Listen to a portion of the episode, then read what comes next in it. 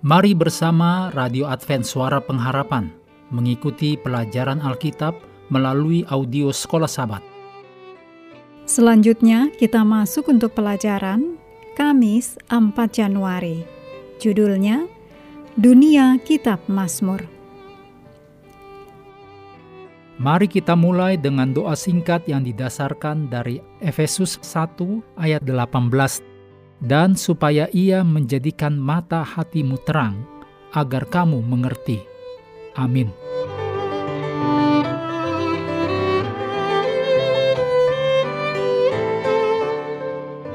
Dalam Mazmur 16 ayat 8, Mazmur 44 ayat 9, Mazmur 46 ayat 2, Mazmur 47 ayat 2 dan 8, Mazmur 57 ayat 3, Mazmur 62 ayat 9, Mazmur 82 ayat 8 dan Mazmur 121 ayat 7 digambarkan bahwa Tuhan itu selalu dalam kehidupan pemazmur.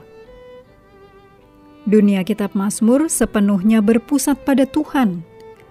Pemazmur berusaha untuk menyerahkan dalam doa dan pujian semua pengalaman hidup kepada Tuhan.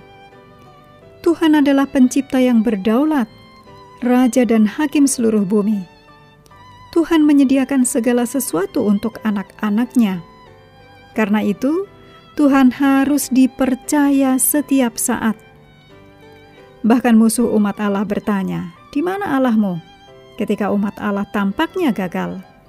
Dalam Mazmur 42 ayat 11.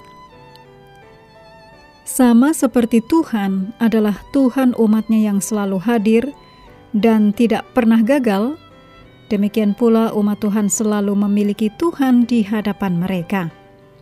Pada akhirnya, kitab Mazmur membayangkan saat ketika semua bangsa dan seluruh ciptaan akan menyembah Allah.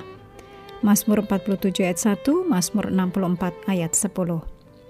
Sentralitas Tuhan dalam hidup menghasilkan sentralitas ibadah.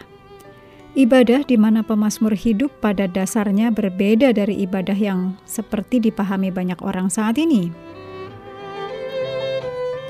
Karena ibadah dalam budaya Alkitabiah adalah pusat alami dan tak terbantahkan dari seluruh kehidupan komunitas. Oleh karena itu, segala sesuatu yang terjadi, baik maupun buruk, dalam kehidupan umat Tuhan, mau tidak mau diungkapkan dalam ibadah. Allah mendengarkan pemazmur di mana pun dia berada, dan Allah menanggapinya pada waktu Allah yang sempurna. Mazmur 3 ayat 5, Mazmur 18 ayat 7, Mazmur 20 ayat 7. Pemazmur menyadari bahwa tempat kediaman Allah adalah di surga. Tetapi pada saat yang sama, Allah tinggal di Sion, di tempat kudus di antara umatnya.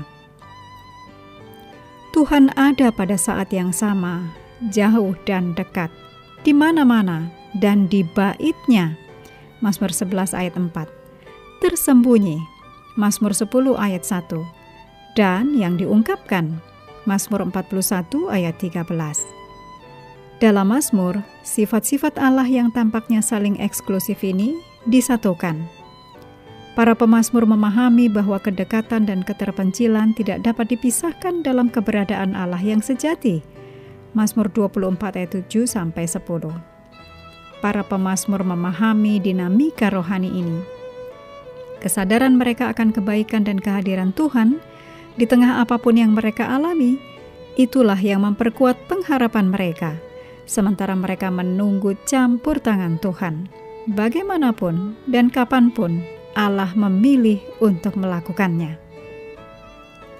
Kitab Mazmur membantu kita memahami bahwa kita tidak dapat membatasi Tuhan hanya pada aspek-aspek tertentu dari keberadaan kita Bila ada yang mungkin menjadi bagian dari kehidupan Anda, di mana Anda berusaha menjauhkan Tuhan, maka segera tinggalkanlah hal itu. Mengakhiri pelajaran hari ini, mari kembali ke ayat hafalan dalam Lukas 24 ayat 44 dan 45. Ia berkata kepada mereka, Inilah perkataanku yang telah kukatakan kepadamu ketika aku masih bersama-sama dengan kamu, yakni bahwa harus digenapi semua yang ada tertulis tentang aku dalam kitab Taurat Musa dan kitab nabi-nabi dan kitab Mazmur. Lalu ia membuka pikiran mereka sehingga mereka mengerti kitab suci. Kami terus mendorong Anda mengambil waktu bersekutu dengan Tuhan setiap hari, baik melalui renungan harian, pelajaran sekolah sahabat, juga bacaan Alkitab sedunia, percayalah kepada nabi-nabinya, yang untuk hari ini melanjutkan dari Yesaya 42. Tuhan memberkati kita semua.